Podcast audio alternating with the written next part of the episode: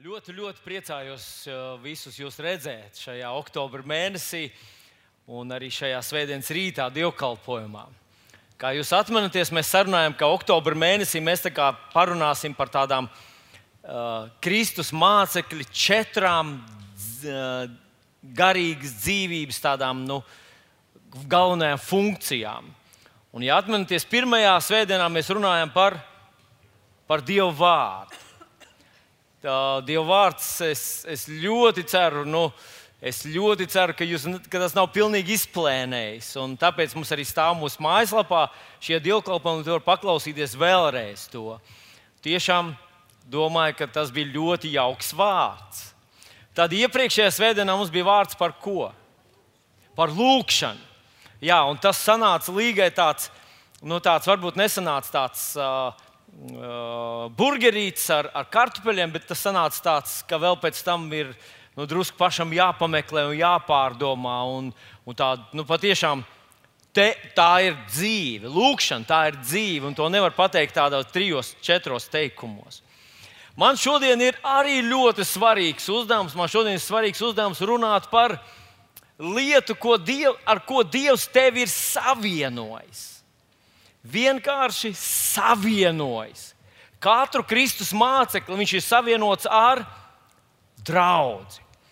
Un nākamā svētdienā mums būs um, vēl viens, vēl ceturtā ļoti svarīgā tēma. Un es ļoti ceru, ka arī nākamā svētdienā tu nepalaidīsi garām. Un es ļoti ceru, ka mums izdosies salikt to vienā tādā diskā, un tu varēsi ielikt to savā mašīnā un ik pa laikam noklausīties tās četras pamatfunkcijas. Zināt, ka organismam ir pamatfunkcijas, bez kurām nav iespējama dzīve nekāda. Vienkārši. Un, nu, teiksim, sirdsdarbība, elpošana. Ja cilvēks nevar dzīvot, eh, ja, ja šīs funkcijas nedarbojas, tieši tāpat arī garīgās lietās tādas ir. Un tātad šodien mēs runāsim mazliet par, par draugu.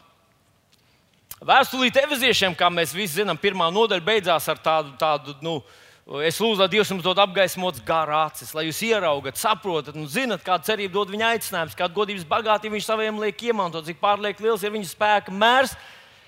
Bet vai jūs pamanījāt, ka viņš nonāk līdz, un tad viņš saka, pilnība, kas visu visur piepilda, viņš tāda, mēs esam Kristu, esam tajā augst, aicinājumā un tā tālāk.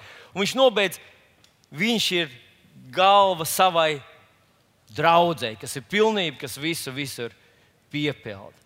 Nu, lūk, Tātad es šodien uzdrošinos apgalvot, ka Dievs ir savienojis katru mūsu ar draugu. Un ir tāda rakstu vietiņa, tā ir Marka evanģēlijā, 10. nodaļā, 9. pantā, Marka 10, 9, kur rakstīts, tāpēc, ko Dievs savienojas, to lai cilvēks nešķir. Ja Dievs savieno uh, laulībā divus cilvēkus. Un mēs zinām, ka tas nav labi to šķirt. Un tās domas, kas šķir, idejas, kas šķir, attieksmes, kas šķir, filozofijas, kas šķir divus laulātus cilvēkus, viņas nav labas. Viņas vienmēr ir destruktīvas, lai arī kādi tie nebūtu argumenti un kādi nebūtu apsvērumi. Vai tas nozīmē, ka kristietis nekad nevar šķirties? Nu, ir atsevišķi gadījumi, bet tie ir tādi nu, kurus var saskaitīt uz vienas rokas pirkstiem. Tas ir saprotams un iespējams, ka ir, ir, nu, ir racionāli to darīt. Bet pamatā, pamatā Dievs, ko Dievs savienojas, cilvēks, lai nešķir. Tātad tu esi, tu esi savienots, tu esi savienots ar Dievu, ar, uh, un es savienots arī ar draugu. Un nu man gribētos Uh, nosaukt tādas sešas pazīmes vai sešas lietas, ar ko mums asociējas draudz. Ar ko draudz mums asociējas vai lietas, kuras draudzē notiek. Jūs zināt, kāds ir perfekts sprediķis? Perfektā sprediķa ir trīs punkti. Man būs seši, tas nozīmē perfekts kvadrātā. Iebiks tam, kurš sēž tev blakus, priecājies. Šodien mums būs perfekts kvadrātā sprediķis. Aleluja! Tad pirmā lieta, ar ko mums asociējās draudzene, ir svētdienas dievkalpojums. Vai ne? Vai nav brīnišķīgi svētdienas rītā, pulkstenis mm, 11. Tik agri, vai ne? Lielākā daļa mēs vēl labprāt pagulētu, bet pulkstenis 11. tev jau jābūt draudzē. Un tu nevari atnākt ar, nu, ar, ar pidžamas biksēm, vai ne? Ar mājas čībām. Nu, es atceros, es vienreiz, vienreiz savai sieviņai saku, es iešu šitāds. Es, es neatceros, kas man bija mugurā. Toreiz man nebija jāsludina. Viņi, viņi uz mani paskatījās, tu ko joko? Un es aizgāju, paskatījos pie spoguļa. Mm. Nu, apmēram tāds pats es vienmēr esmu izskatījies. Es teicu, ko tur tādu, bet tu ko joko ar šitām biksēm? Nu, es sapratu, ka man tās ir jā, jā, jāpārvēl, kaut arī man nav jākāpj uz platformas. Es nevaru tāds iet svētdienas uz svētdienas dievkalpojumu. Un skatoties ebreju vēstulītē, 10. nodaļā, 25. pantā, apelsīns Pāvils, mēs ticam, ka to sarakstīja apelsīns Pāvils, saka, neatstājiet savus sapulces, kā daži ir paraduši. Varbūt daži tagad mani vēro tiešraidē, jūs esat mājās, jūs esat savā pidžām biksēs, jūs esat, eh, nu, varbūt jums priekšā zupas šķīvis, vai kotlets, vai kūpoši frīkartupeļi, vai kaut kas vēl. Un jūs domājat, nu, ka jūs esat gudrāki par visiem tiem, kas mēs esam atnākuši šurp. Es ļoti ceru, ka vienā dienā jūs tā neskatīsieties uz debesīm, kur mēs debesīs būsim, bet jūs būsiet savā pidžāmas biksēs un, un ar frīkartupeļiem uz galda. Uh, neatstājiet savus sapulces, neatstājiet savus sapulces. Jūs zināt, es esmu uzaugusi ģimenē, kur gāja uz dievkalpojumu vairākas reizes nedēļā. Otradienas vakarā bija kora mēģinājums. Mēs vienmēr uz to bijām, ja vien nebija kaut kāda ČP mājās, kaut kāda īpaša apstākļa. Trešdienas vakarā bija dievkalpojums. Tātad otrdien, trešdien mēs bijām. Un tad bija svētdienas, svētdienas dievkalpojums, svētdienas rīts. Bet mūsu baznīcā bija arī svētdienas vakars, svētdienas vakarā piecos. Jūs iedomājieties, mēs, es esmu to kādreiz stāstījis, mēs braucām ar 32. autobusu no Jūglas līdz pāri gaisa tiltam, līdz saucās lielie kapi, saucās tā pietur. Un tad mēs kāpām ārā un truņģelējām cauri lielajiem kapiem. Un mēs to darām vakarā, ziniet, arī ziemā, kad vakarā beidzās dievkalpojums, mēs salasījāmies tādos lielākos bariņos, pa 15 cilvēku. Uh, desmit cilvēki, dažreiz, dažreiz arī mazākos, protams. Un vakarā pa tumsu gājām cauri lieliem kapiem. Kapiem gājām cauri. Braucām mājās. Četras reizes nedēļā, kā likums, mēs braucām uz dievkalpojumu. Tās bija mūsu sapulces vietas. Tās bija tas, kur mēs pavadījām savu dzīvi. Kāds varbūt teikt, nu jūs bijāt pilnīgi fanātiķi. Mēs nebijām fanātiķi tā, kā vajadzētu būt. Bet mēs tiešām apmeklējām eh, visas savas draudzes aktivitātes un dievkalpojumus. Kāpēc mēs to darījām? Nu, vispirms, gribu teikt to galveno argumentu. Jūs saprotat, to galveno argumentu. Svētdien, pasakot, svētdien. Ir pirmdiena, otrdiena, trešdiena, ceturtdiena, piekdiena, sestdiena, un tad ir svētdiena. Ko nozīmē svētdiena? Svētā diena. Jā, jā es jau dzirdēju, Vilni, tu jau tu tagad aizvieto sabu, dievu iestādīto sabatu ar svēto dienu. To kaut kāds Romas pāvis kaut kur tur ir. Tie ir elka dieva un elka kalpība, un viss tas aiziet pilnīgi šķērsām. Nē, es negribu teikt, šodien, ka svētdiena ir kaut kāda īpaša svētā diena. Sabats ir sabats, sestdiena ir sestdiena. To mēs pavadām mājās un, un cenšamies pavadīt ar ģimeni, cik vien ir iespējams. Bet tad ir svētdiena. Un, protams, Bībelē nav rakstīts svētdiena, bet man pa, ļoti patīk, eh, kā krievu valodā svētdiena. Jūs zināt, kā krievu valodā skan svētdiena? Kā? Voskrisēņa. Ko nozīmē voskrisēņa? Tas, tas nozīmē, nekur nav jāiet, vai ne? Krievu voskrisēņa nozīmē augšām celšanās. Paņēdēļnik, vtornik, sridā, četvirk, pētnica, subota un augšām celšanās. Ko tu dari augšām celšanās dienā? Jā, es esmu mājās, es esmu tā noskrējies visu nedēļu. Piedodiet, man mazmeita pat saka, opi, nešļupsti! Es domāju, ka viņai patiks, bet ne, viņai nepatīk, kad es šļupstu. Nešļupsti, viņa saka. Paskatieties, kas tad Bībelē notika. Bībele, protams, nesauc to ne par svētdienu, ne par augšām celšanās dienu. Bībele to sauc par nedēļas pirmo dienu. Kas notika nedēļas pirmajā dienā? Pašā Bībeles pirmajās dažos pantos jau ir uzrakstīts, ko Dievs darīja pirmajā dienā. Ko? Radīja gaismu. Pirmajā dienā Dievs radīja gaismu un atšķīra tumsu no gaismas. Pēc tam mēs redzam, kad mēs lasām Jēzus stāstu, ko viņš darīja pirmajā dienā. Paklausieties, Marka evanģelijas 16. nodaļa, 9. pāns. Bet uzcēlies nedēļas pirmajā dienā, rīta agrumā. Svētdienā Jēzus cēlās no kapa ļoti agri. Viņš bija noskrējies ar kalpošanu tā, ka, nu, ka viņam ka brīžiem nebija laika paēst. Un pēc tam viņš bija bijis trīs dienas un trīs naktas nāves valstībā, kur viņš piedzīvoja dramatiskas ciešanas. Bībeli mums tā ļoti skopi par to runā, bet runā, ka tas bija kaut kas neiedomājams. Un tad svētdienas rītā viņš ļoti agri jau cēlās.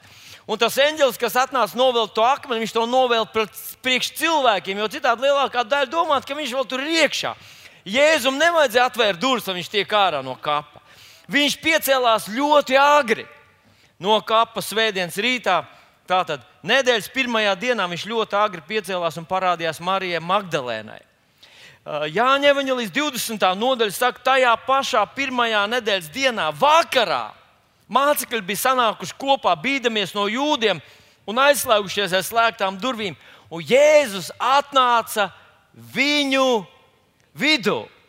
Tātad tas, ko mēs krievi saucam par vaskrisēņiem, vai mēs saucam par svētdienu, ir diena, kad Jēzus uzcēlās augšā no nāves. Un viņš parādījās pirmo reizi pēc savas augšām celšanās. Viņš parādījās svētdienā saviem mācekļiem, kur bija sanākuši visi kopā. Jūs zināt, es, es uh, pēc tam lasu par apstulu Pāvilu un apstulu darbos 20. nodaļā, no 7. līdz 9. pantam, mēs lasām tādus vārdus, tātad apstuļu darbu 20 no 7. Pirmajā nedēļas dienā, kad mēs bijām sanākuši maizi laust, tas nozīmē, viņi, protams, dzīvoja lielās ģimenēs, ne tā kā mēs šodien, nu, tajos laikos. Ģimene varēja sastāvēt no ģimenes, kalpiem, vergiem, ja tie bija turīgi cilvēki. Līdz pat 300 cilvēki varēja būt vienā tādā, tādā uh, normālā evizieša, piemēram, ģimenē. Bet viņš saka, mēs pirmajā nedēļas dienā sanācām visa draudzene kopā. Sanācām, lai laustu maizi. Un Pāvils gribēdams nākošā dienā doties tālāk, viņš runāja, un viņa runa ieilgi. Tā bija svētdiena. Mēs to dienu, vai nedēļas pirmo dienu, mēs to saucam par svētdienu. Kad apelsīns Pāvils runāja savu slaveno sprediķi, kad viens puisis, kurš sēdēja augšā kaut kur uz kopnēm, nams acīm redzot, bija tik pilns, ka nebija kur sēdēt. Un kāds bija uzrāpies kaut kur uz palodzes, un viņš no tās palodzes nokrita. Nokrita un nositās. Es domāju, Eiropas Savienība momentāli būtu izdevusi likumu, ka drīkst sludināt tikai 15 minūtes. Bet viņš sludināja tik ilgi, ka cilvēks aizmiga tur un eutiks un nokrita un nositās. Pāvils piegāja, aizlūdz par viņu. Un kāds būtu teicis, redz, redz, Dievs saka, beidz, Pāvils, pietiek jau sludināt šodien. Pāvils par viņu aizlūdza un atgriezās atpakaļ pie katedras un sludināja vēl. Tas notika svētdienā.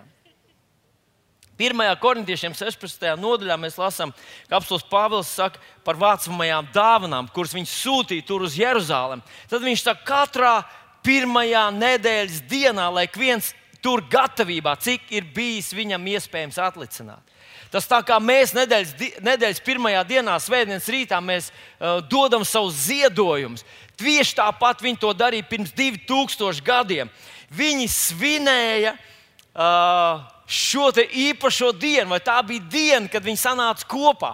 Iespējams, ka sabatā bija katrs savā mājā, bet nedēļas pirmajā dienā, vai mēs to saucam šodien par svētdienu, vai krievi to sauc par vaskrisēņiem, amerikāņi to sauc par sandēju, bet tas nav, protams, nekāds sakars ar sauli.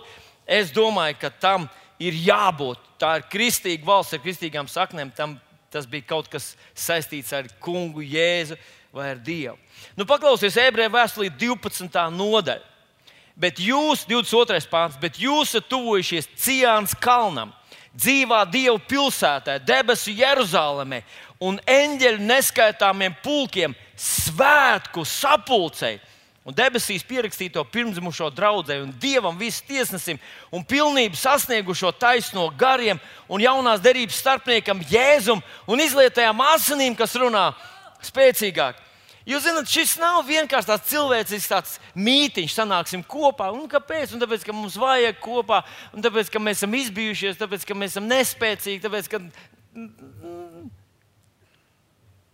Viņš saka, jūs esat pienākuši pie svētku sapulces. Aleluja! Es jums pastāstīšu, ka es ieraudzīju, ier... Salman, kur ir tas, kas te bija iekšā? Es jums pastāstīšu vienu interesantu pieredzi. Tas bija kādu laiciņu atpakaļ. Viena ģimenīte svinēja uh, dzimšanas dienu. Paldies! Viena ģimenīte svinēja dzimšanas dienu. Un dzimšanas dienu svinēja vienu gadu vecam cilvēkam. Tu atceries, ka tu biji gadu vecs, cik grāmatas jau tu biji izlasījis, un, un kur tu biji, nebija pabijis, un tā tālāk. Nu, vārds sakot, Mēs arī tur bijām ar līgu. Es nesaukšu konkrētāk, kur un ko un kā. Bet tagad sanāk pieaugušie un, un, un, un jaunieši un, un, un ne tik jauni vai visi kopā. Un tad ienes jubilāru un tas jubilārs. Visi sastājās viņam apkārt. Un tad, ziniet, dzimšanas dienās uzvelk tas dīvains, dīvains attribūts. Savilkt nopietniem cilvēkiem šādas uh, lietas uz galvas un tad nostājas apkārt, un tad viss ir nu, nu, tagad, tagad, tagad. tagad no šitas neskan. Bet tu biji tāds tā kā. Pā, pā! Un es skatos uz to jubilāru. Tas, Nabadzīgs nesaprot, ko no viņa grib. Visi apkārt, nu, tie happy birthday you. Tā vietā, lai dziedātu vismaz latviešu, nu, tā vāgā vildienā, jau kā priecīgām, bet kaut ko dziedi. Tas mazais, viņš nebija sajūsmā. Es domāju, ka pirmos piecus gadus ir bailes no dzimšanas dienas. Atkal sanāks dīvaini cilvēki, apkārt klieks, pūtīs, pū, nu, nu. Kāpēc viņi to dara? Ziniet, kāpēc? Tāpēc, ka viņi svin to, kas ir svarīgs, ka tev ir piedzimis bērniņš. Un varbūt vēl doktori pirms tam teica, ah, ziniet, jums tur kaut kas ne tā skan, kaut kas ne tur ne tā, ne tā izskatās. Un tu ticēji, un tu paļāvies uz Dievu, Dievs mums palīdzēs, mēs iziesim tam cauri, mums piedzims vesels. Un tad viņš piedzims, tad doktors saka, ah, ziniet, man nepatīk kaut kas šeit, un nepatīk tur. Es saku, kas ar tiem doktoriem kaiš, ka viņiem nepatīk kaut kas? Švajag par doktoriem vajag iet cilvēkiem, kuriem ir empātijas spējas, kas mums ļoti patīk jūsu bērniņš, un mēs ticam, ka jūs ar to tiksiet galā. Mēs zinām, ka viņam attīstīsies, jo cilvēku vārdi ir spēcīgi.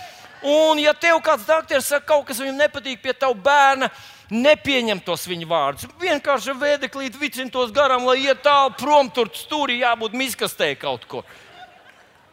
Lai iet garām, mēs nepieņemam tādas lietas. Jēzus vārdā mēs nepieņemam. Bet tad tas bērniņš nodzīvo mēnesi, un divus, un trīs, un viss viņam ir labi, un viņš nodzīvo gadu. Un ko tad tu gribi darīt tajā gadā? Ko? Tu gribi svinēt. Viņš nesaprot, jā, viņš tur izbijis, apčurājis vai ko tur. Vienalga, mēs gribam svinēt. Zinat, ko mēs svinam? Mēs svinam visu to, kas ir svarīgs. Ja tas ir nesvarīgi, Tad mēs nesam tā kā kāzās, vai ne?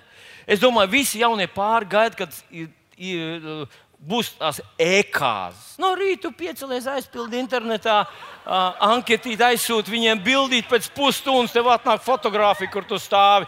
Nu, visā. Vai ne? Elīna droši vien ar Aleksandru sapņo par tādu.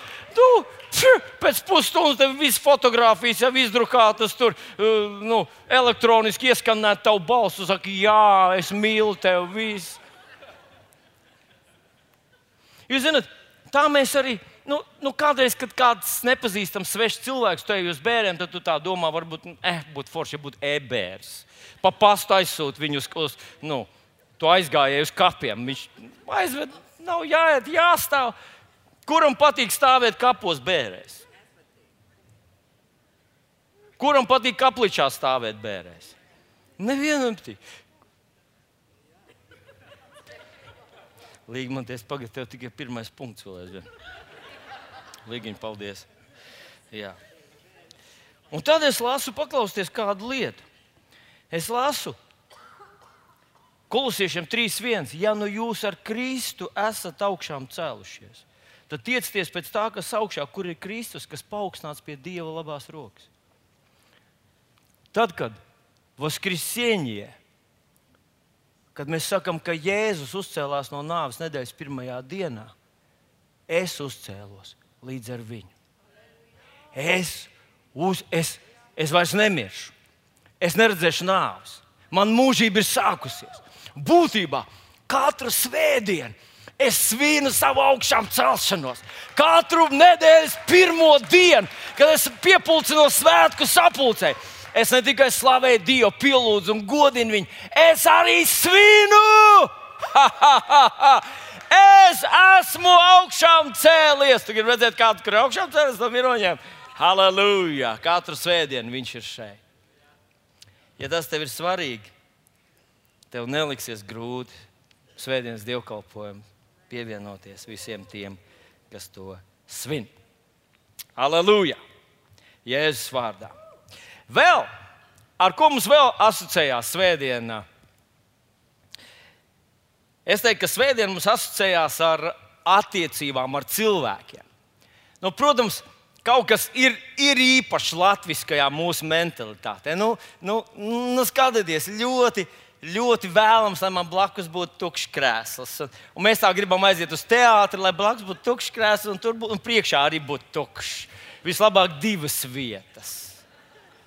Nu, nu, tā, tā kaut kā fascinē tas tukšums. Un mašīnā gribas vienam, nu, nu, nu, tā. Bet, bet, ja mēs būtu tāda normāla tauta, tad mēs spiestos kopā. Mums patiktos būt kopā. Ja tu esi un, un kā jau pieminēju, tajos kapos, kapos neviens negrib būt viens. Īpaši naktī, tumsā. Tev, tev vienalga kāds, kā tikai vēl kāds dzīves cilvēks būtu blakus. Tev pēkšņi gribas vēl kādu blakus. Un draudzē, normāli, ka tev ir attiecības ar cilvēkiem. Un es pat nosaucu to par, par tādu, nu, tā kā vismaz dieva priekšstatā, dieva standartā būtu jābūt tā kā draudz, draugiem. Draudzē ir mani draugi. Varbūt, ka tev šobrīd nav draugi, bet šeit ir cilvēki, kuru kompānijā tu justos ļoti labi. Viņi tev saprast, tu viņus saprast, jūs atbalstīt viens otru, kur ļoti tuvu tev pēc, varbūt pēc mentalitātes, var, pilnīgi, varbūt otrā, pilnīgi atšķirīgi no tevis, bet jūs tos labu viņu vidū. Bet tur drusku jāpieliek piepūli.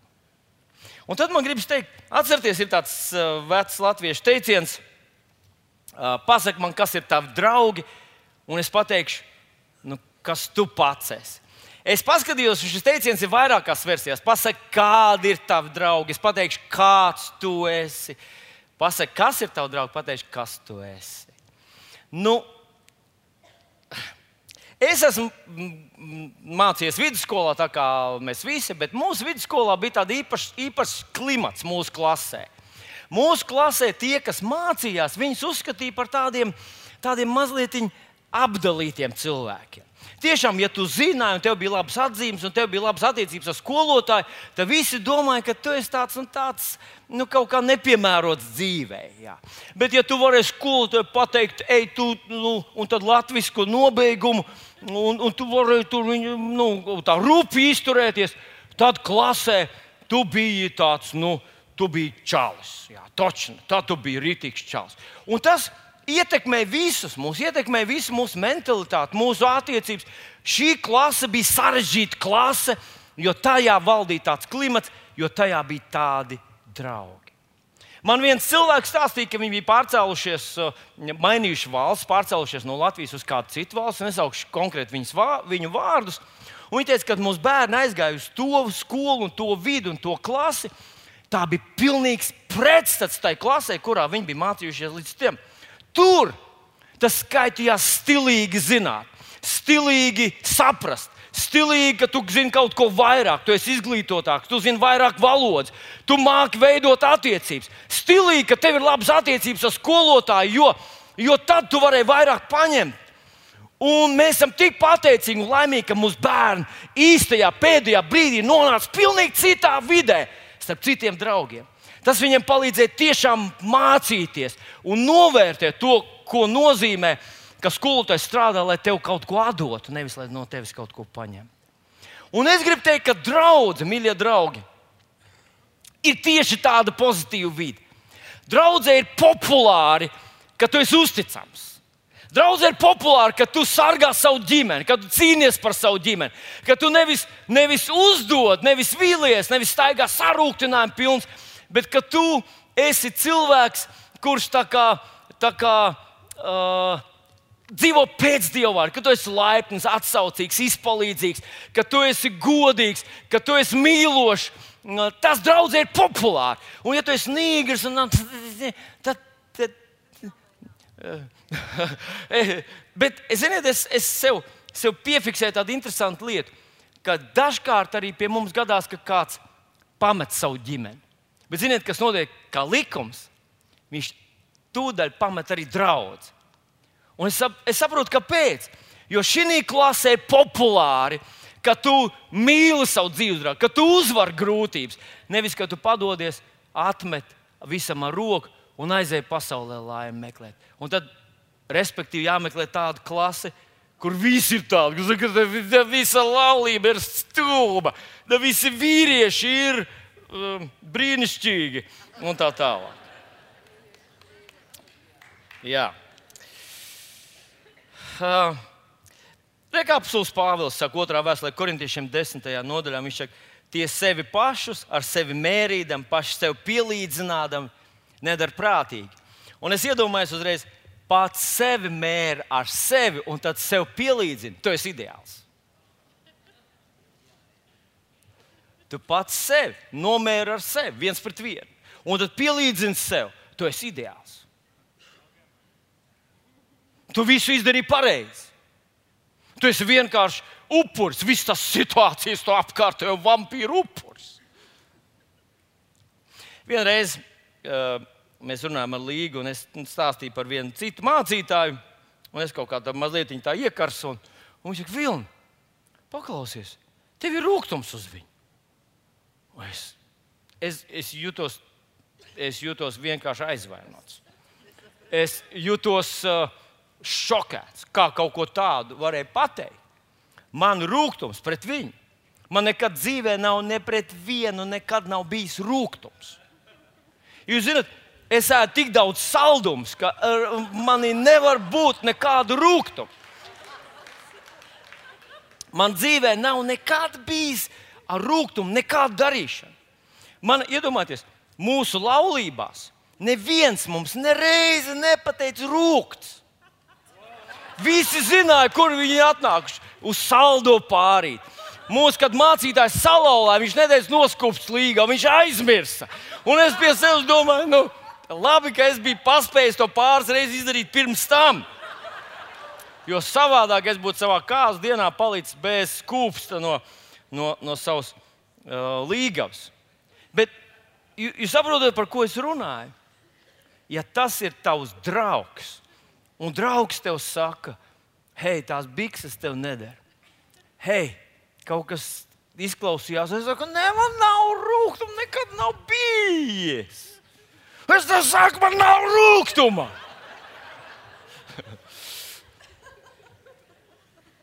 man bija jāieklausās.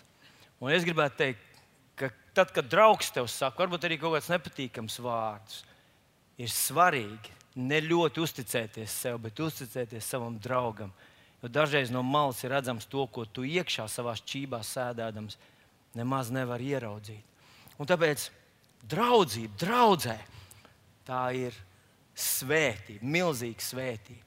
Un atcerieties, ļauna sabiedrība, Pāvils rakstīja, nepievilieties. Ja tavi draugi ir tie, kas nozākā ģimeni, Ja tavs draugs saka, kur te, te, ko tu te cīnies par to sievieti, tad paskaties pasaulē, pilns ar kurš gudrs cilvēks šodien cīnās. Paskaties, okeāns pilns ar vis visādām zivīm. Ja tādi ir tavi draugi, agrāk vai vēlāk viņu filozofija ietekmēs tavējo. Un, un to var attiecināt par jebko arī, arī par dieva lietām. Es gribētu dedzīgus cilvēkus, es gribētu ticības cilvēkus, es gribētu drau, draugus, kas nepadodas, es gribētu draugus, kas uzmundrina mani. Saka, hei, Vilni, Dievs var visu, Viņš var palīdzēt tev, Viņš to izdarīs. Un tāpēc, manuprāt, draugs, draugi ir labākie draugi, kādi tev var būt. Bet draugs vēl asociējās ar cilvēkiem, ar kuriem ir problēmas. Problēmas. Ziniet, esot Stalins kādreiz izteicies tā, нет человека, нет проблемы. Nu, nav cilvēks, nav problēma. Un tiešām, ka tu viens pats dzīvo, ja tu esi viens pats un viens pats dzīvojis, tev viss notiek harmoniski mājās, pareizi. Tev nav konfliktu, nav nekāda dusma. Tu mīli visu pasauli, visa pasaule ir laba un brīnišķīga priekš tevis. Bet atliek tev paņemt sunīti mājās, uzreiz būs problēmas. Bet, ja tu paņemsi cilvēku, paklausties, es esmu pamanījis tādu vienu interesantu lietu. Lai paliktu draudzē, tev būs vajadzīga nepieciešama patiesa, īsta kristieša sirds. Kāpēc? Tāpēc, ka tikai tad, kad tu pārvari tās problēmas. Nu, es teikšu tā, ja man, nu, no manis aiziet sieva katru reizi, kad es viņu aizvainotu, gadā viņi to izdarītu vairākas reizes. Nedēļā viņi to izdarīja divreiz par to vien, ka tu kaut ko nesaproti, tu kaut ko tur burās, savā iebrauc, uzbrauc, tu kaut ko izsaki, tu kaut ko tur centies viņai izstāstīt. Un viņi saka, ko tu dari tagad? Un es saku, kā es varu paskaidrot? Zini, kad, kad vīrietis brauc ar buru laivu, labāk paiet maliņā, jā, jo viņam nav bremžu, viņš vienkārši brauc. Un tā ir ar mani. Un, ja mans dzīves draugs uzreiz no manis aiziet, ja mūsu bērni no mums aiziet, tad, kad mēs kaut ko nesaprotam, mēs viņus aizvainojam, viņi būtu prom jau sen. Viņi vēl nebūtu pilngadību sasnieguši, būtu prom jau. Un es esmu pamanījis, ka tie cilvēki, kas aiziet no savas ģimenes, tādā krīzes situācijā, tas rūkums viņa sirdīs paliek, viņi tam netiek pāri. Ar gadiem viņi uzaudzē tādu, tā kā, tādu vien, vienaldzības kaut kādu kā garozu, bet tas aizvainojums un sāpes dziļumā pastāv. Turpretī, ja tu paliec, ja tu iztur, ja tu tiec ar to galā, ja tu strādā pie tā, tad tas, kas vakar vēl izskatījās kā aizvainojums, rīt jau kļūs par tā tādu fundamentu, uz kuru tu būvē to savu jauno, jauno dzīvi, jaunās attiecības. Tu esi ticis tam pāri, un tas padarīs jūsu savienību stiprāku. Un es gribu teikt, draudzē, tā nav vieta, kur nav problēma. Te ir jābūt problēmai. Kāpēc? Tāpēc, ka mēs esam cilvēki.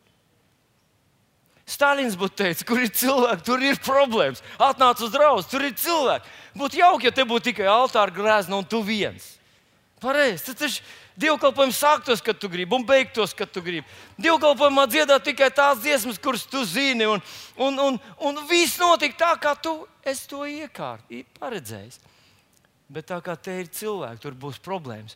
Un, ja tu tiks tam pāri, ik pa laikam atkal kaut kam tiks pāri, tad tava atrašanās šeit, tava piederība, tava dalība šeit ar katru reizi paliks tikai stiprāka un drošāka. Un tāpēc draudz ir vieta, kur tu patiešām iemācies piedot, kur tu patiešām iemācies mīlēt un netiesāt, un tā tālāk. Nu, es pasteikšos, ceturtā lieta, ar ko mums asociējās draudz, tā asociējas ar vispusīgu mācību. Kur arī tu neatnāk? Nu, paskatieties, Līta ir tipisks draugs cilvēks. Viņa saka, es nemāku runāt īsi. Halleluja! Kur tu aizies svētdienas skolas sapulci, tur runās. Tu aizies uz, uz uh, uh, zelta fondu, runās. Aizies pie uzņēmējiem, runās. Aizies uz mājas grupu, tur runās. Un visu laiku tev mācīs. Un tu domā, pats, nu, kad mēs vienkārši uztepsim gaļiņu un vienkārši patrēnkāsim bumbu, vai ne? Nu, nu taču, ko tad mums vēl vairāk dzīvē vajag? Ha? Bet, draudzē, tev visu laiku mācīs. Un paskatieties, Pāvils Efeziešiem raksta, ka Dievs devis apstuļus, praviešus, evanģēlistus, ganus un vēl mācītājus. Apstuļus, ganus, praviešus, evanģēlistus un vēl mācītājus. Ko visi šie cilvēki dara? Ko tad? Runā, nu, būtu kā triku parādījuši, nu, nu būtu kādu, nu, es nezinu, nu, kaut ko tādu, ko ir vērts, nu, tā kā, ko mēs gribam, izklaides, vai ne? Bet viņi runā. Un, un tam man nāk prātā, ka Jēzus mācīja savus mācekļus trīs ar pus gadus, 24 stundas diennaktī viņi bija ar viņu, vai ne? Vai ne? Un tad mēs zinām, ka viņš pēc savas augšām celšanās ir rakstīts, pēc savas augšām celšanās, apstuļu darbu 1.3. rakstīts, ka viņš vēl viņu vidū redzēts 40 dienas. Ko viņš darīja tās 40 dienas? Ko tad? Ko? Pajautā tam, kurš tev sēž blakus, ko viņš darīja tās 40 dienas? Viņš mācīja, runāja par Dievu valstību. Iesākumā ir vārds, Tas ir neizbēgami. Vārds ir, vārds ir kaut kas tāds, kas atnes tās dieva lietas. Un, ja mēs vairs nemākam dzirdēt, nemākam klausīties, mēs miegam ciet, tad tas vairs nav svarīgi. Tev ir svarīgi tas, tas uh, tu spēj noklausīties to, kas tev ir svarīgi. Un Dieva vārds ir ļoti, ļoti svarīgs. Un draudzē, uh, sekojot Kristus paraugam, sekojot Kristus mācībai, mēs gribam mācīt Dieva vārdu. Nu, tad Gans grib radīt tev tādu drošu vidi. Tad atnāk uh, skolotājs, un viņš ņem rubināru par rozīnītē un te dod liek tavā mutītē, un tu domā, jā, vai jā. Īstenībā tā ir baigā. Mm, Baudi klausīties īstu skolotāju uh, sludināšanu. Un gana sludināšana, viņam prieks, viņa klausās, viņš te saka, halleluja, tu pieņem jēzu par savu kungu, tu esi atnācis svētdienas rītā uz dievkalpojumu, tu jau esi debesīs. Iedomājies, ka tu sēdi debesīs, Vat tāda ir sajūta. Halleluja, viss ir kārtībā. Un tad atnāk pravietis un saka, o, tu esi atkritis, tu esi atzisis. jā, jā, jā. Un tu domā, kāpēc pagājušajā sēdē mācītājs teica, ka viss ir labi. un tas ir Tieši tāpat kā meteorologs to saka, sāksies vasara, un tad nāk pravietis, saka, bet vētra būs rītā. Sagatavojies vētrai, nome, um, atstāj visu, kas tev velk uz zemes, tu neizpeldēsi, tu neizdzīvos. Tas ir pravietis. Un, un, un pēc tam, protams, uh, vēl ir, vēl ir evanģēlis, kas saka, ja tevis nav tur ārā, tevis nav vispār. Tu to nezināji vēl. Es tev pasaku, evanģēlistu vārdā, ja tevis nav tur ārā, ja tu neevanģelizē, tevis nav, tu neesi, tu neeksistē Dieva valstībā. Jo Viņš mūs sūtīja darīt par mācekļiem cilvēks. Un Ko dara ar tevi visas šīs, visas šīs kalpošanas? Viņas attīstīja tevī kaut kādu dimensiju. Tu saproti, ka tev ir gan jābūt gatavam. Tu saproti, ka tu esi Dieva valstībā, bet tu nevari atslābt. Pravies tev saka, hei, ko tu dzirdēji no Dieva? Ko tas kungs tev saka? Kas pa laiku tagad ir? Kāds vārds tev nes šobrīd? Ko, uz ko tu stāvi ticībā? Tev to visu vajadzēs. Un tas ir draudzene, tā ir draudzes dzīve, kur te ik pa laikam sapurina, nomierina, sapurina, nomierina, izsūta, ats, atsauc atpakaļ un vēl kaut ko dara. Tā ir draudzes dzīve, un viņa ir brīnišķīga. Vismaz Jēzus tā domā. Ar ko vēl mums piektais, priekšpēdējais punkts, ar ko mums asociējās draugs? Jūs šodien dzirdējāt ar kalpošanu. Ar kalpošanu. Viņš devis apstuļus, praviešu, evanģelistus, ganus un mācītājus, lai sagatavotu svētos kam? Kalpošanai. Mēs zinām, ka kalpošana tas ir kaut kas, par ko algu nemaksā. Tu to dari savā brīvā laikā, uz savu rēķinu, ar saviem resursiem. Tu to dari tā, tajā laikā, tu nevari priekš sevis neko darīt. Tas tev neienes neko. Tu dari to priekš kāda cita. Un draudzē šī iespēja ir īpaša.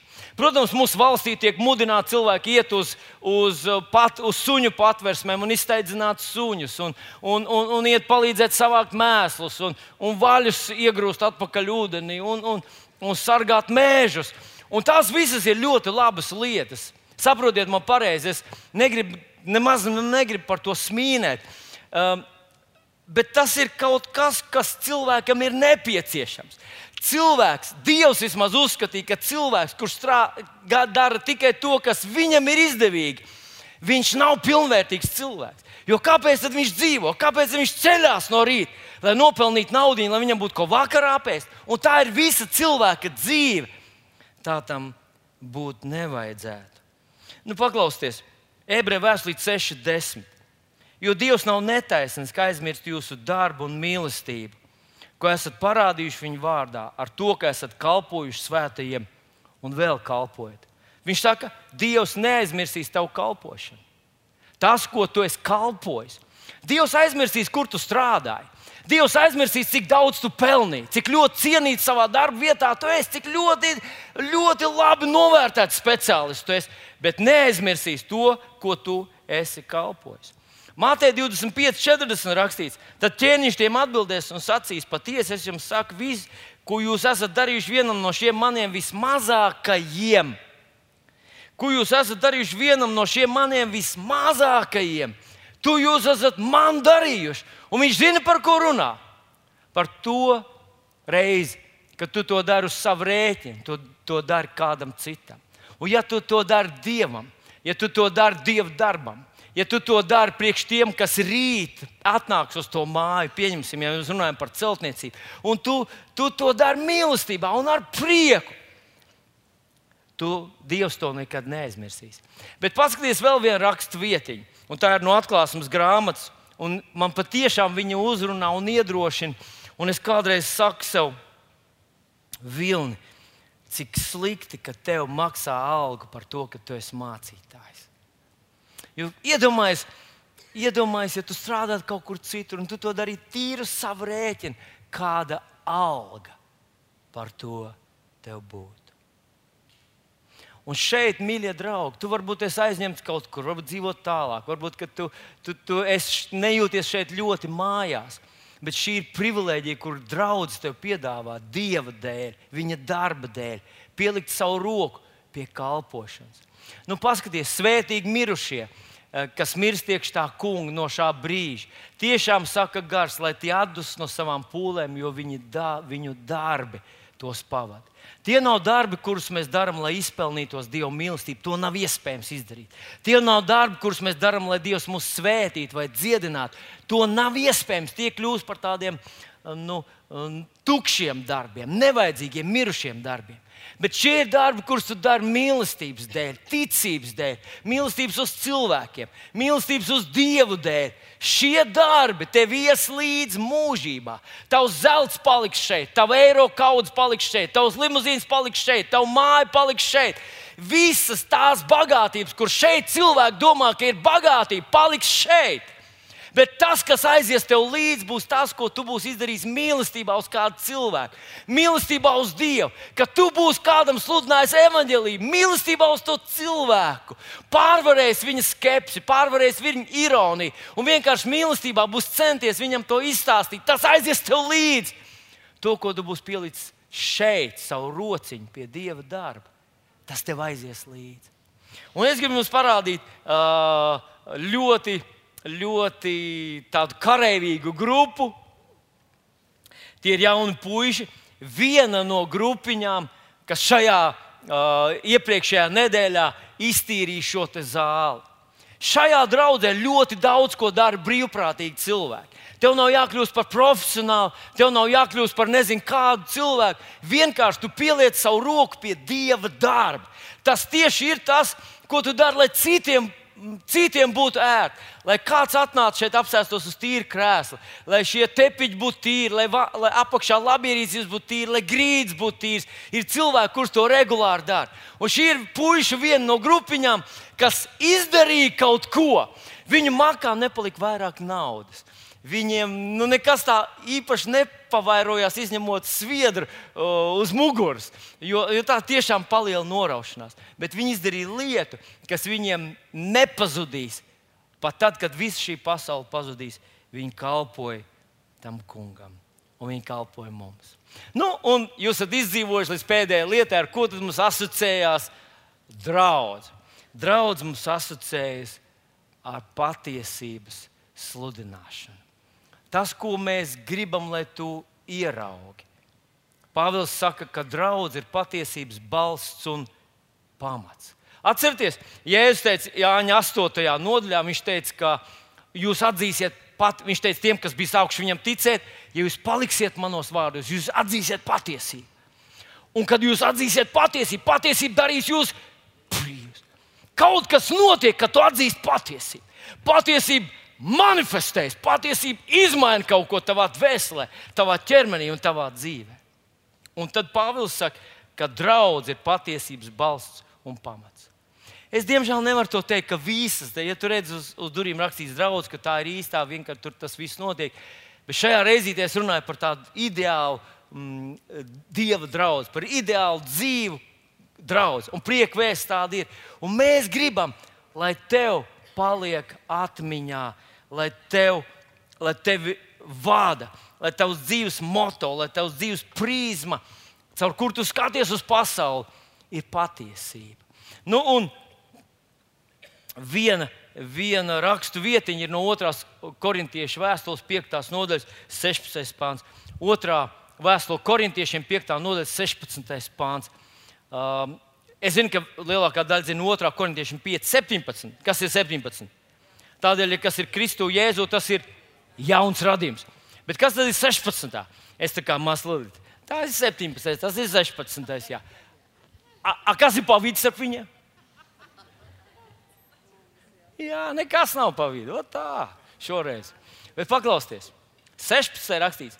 Tad nu, mēs nevienu nepazīstam pēc miesas. Ja arī mēs Kristu esam pazinuši pēc miesas, tad tagad vairs nepazīstam. Un tad sākās 17. Tādēļ, kas ir Kristū, tas ir jauns radījums. Kas bijis, ir pagājis, redz, viss ir darīts jauns. Iedomājieties, ka es tev pazvanītu. Mēs ar tevi nebūtu pazīstami, es tev piezvanītu, mums ar tevi jāsatiekas, un mēs turpinājām satikties pie stācijas pulksteņa vai pie laimes pulksteņa. Un es jautāju, nu, pastāsti, kāds tu izskaties, lai es tevi atpazītu. Un tu sāc. Un, teiksim, es, es teiktu, tāds gara auguma, um, izskatīgs jauneklis. No 50 metru attālumā man ir 20 gadi. Jā, paldies! 50 metru attālumā 20 gadi ir pienācis tuvāk. Nenāc tuvu, jo, jo tuvāk nāk, jo vairāk gadu paliek. Nu, es apmēram aprakstīju sevi. Bet tad es tev pajautātu, nu, bet garīgi kas tu esi? Kāds tu esi? Padomā, mēs nevienu nepazīstam pēc miesas. Nevienu nepazīstam. Kā ir pēc miesas? Pēc miesas ir baltie, sieviete, vīrietis, gara auguma, īsāka auguma. Mums ir matu daudz, matu maz, tur acis tās un tāds bet mēs vairs nepazīstam viens otru pēc, pēc miesas. Un es domāju, protams, ir ideāli, ja tu pazīsti visus pēc gara. Tas ir tāds garīgs kalps. Bet varbūt vajadzētu sākt ar sevi pašu. Un tas, ko mēs gribam, lai tu šeit iemācies, ieraudzīt sevi, pazīt sevi ne pēc miesas, ne pēc tavām problēmām, ne pēc tavas dzīves pieredzes, pēc tavas izglītības, pēc, pēc tavām neveiksmēm, bet pazīt sevi pēc tā, kas tu esi Kristu Jēzu jauns radījums. Kas tu esi? Ko tu teikt?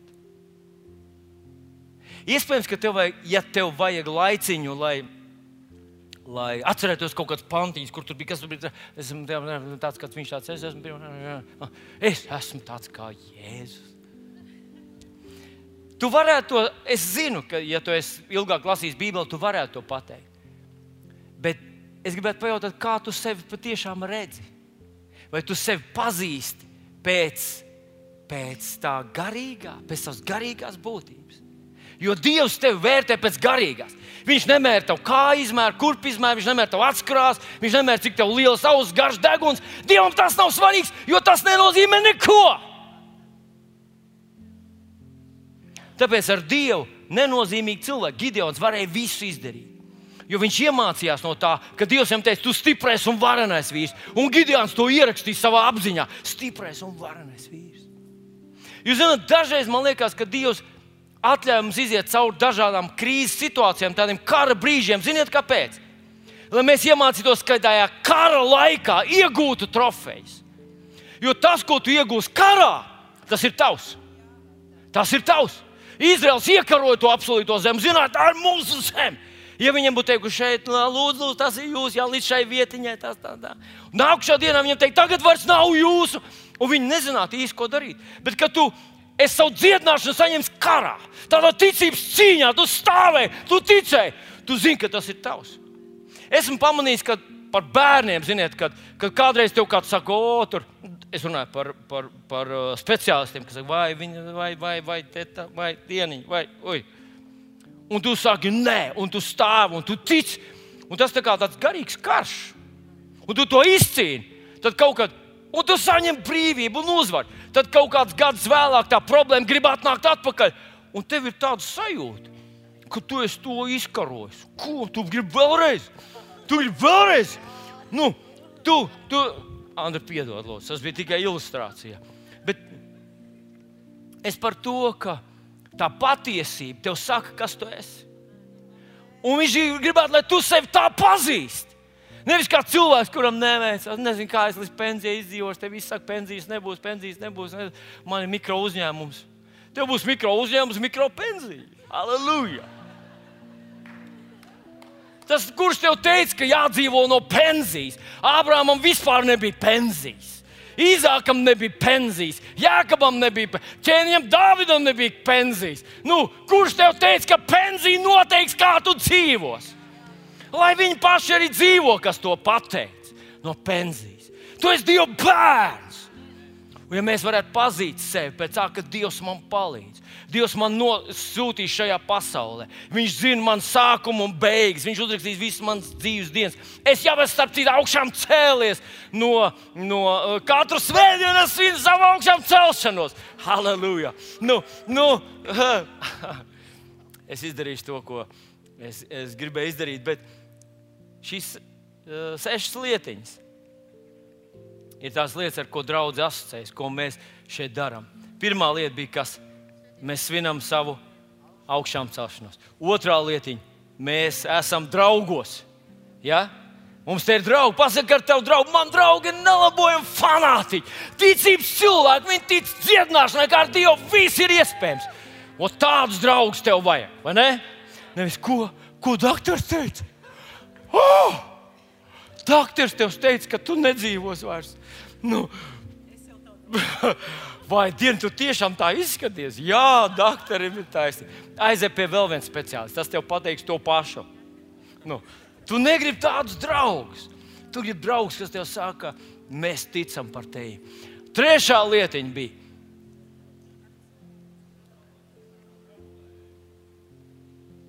Tu tiec pāri problēmām.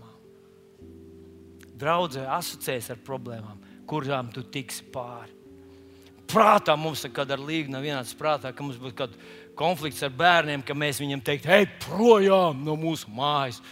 Tas tā nav opcija. Vispār nav opcija tāda. Tāda šurp mēs te samīlēsim, tūlīt visu jau kārtosim, aleluja, izpurināsim. Mēs zinām, ar tiem viss būs labi. Tādai būtu jābūt mūsu attieksmei, pareizi, par draugu. Un tad ceturtā lietiņa bija. Kas bija ceturtā līga? Mēs mācāmies, draudzē mēs mācāmies. Jā. Piektā lieta, mēs, mēs kalpojam. Un sestā lieta, mēs mācāmies patiesību. Jēzus vārdā. Aleluja. Piecelsimies kājās. Debes Tēvs, mēs Tev pateicamies par šo brīnišķīgo rītu. Mēs pateicamies, ka varam būt Tavā namā. Mēs pateicamies, ka Tu mums esi devis daļu pie draudzes, pie Dieva draudzes. Slavētāji! Mēs pateicamies Tev, Kungs, par to, ka mēs uh, esam augšām celšies. Mēs pateicamies, ka mums ir tāda ticības drauga. Mēs pateicamies, ka mēs tiekam pāri visām problēmām, mēs mākam piedot, mākam apklāt, mēs mākam izturēt, mēs mākam dzīvot kopā ar saviem brāļiem un māsām. Halleluja! Mēs pateicamies, ka tu mūs māci ar saviem kalpošanas dāvanām. Mēs pateicamies par kalpošanu, par iespēju kalpot. Paldies Tev par iespēju kalpot! Paldies Tev par iespēju kalpot! Un paldies Tev par Tavu patiesību! Halleluja!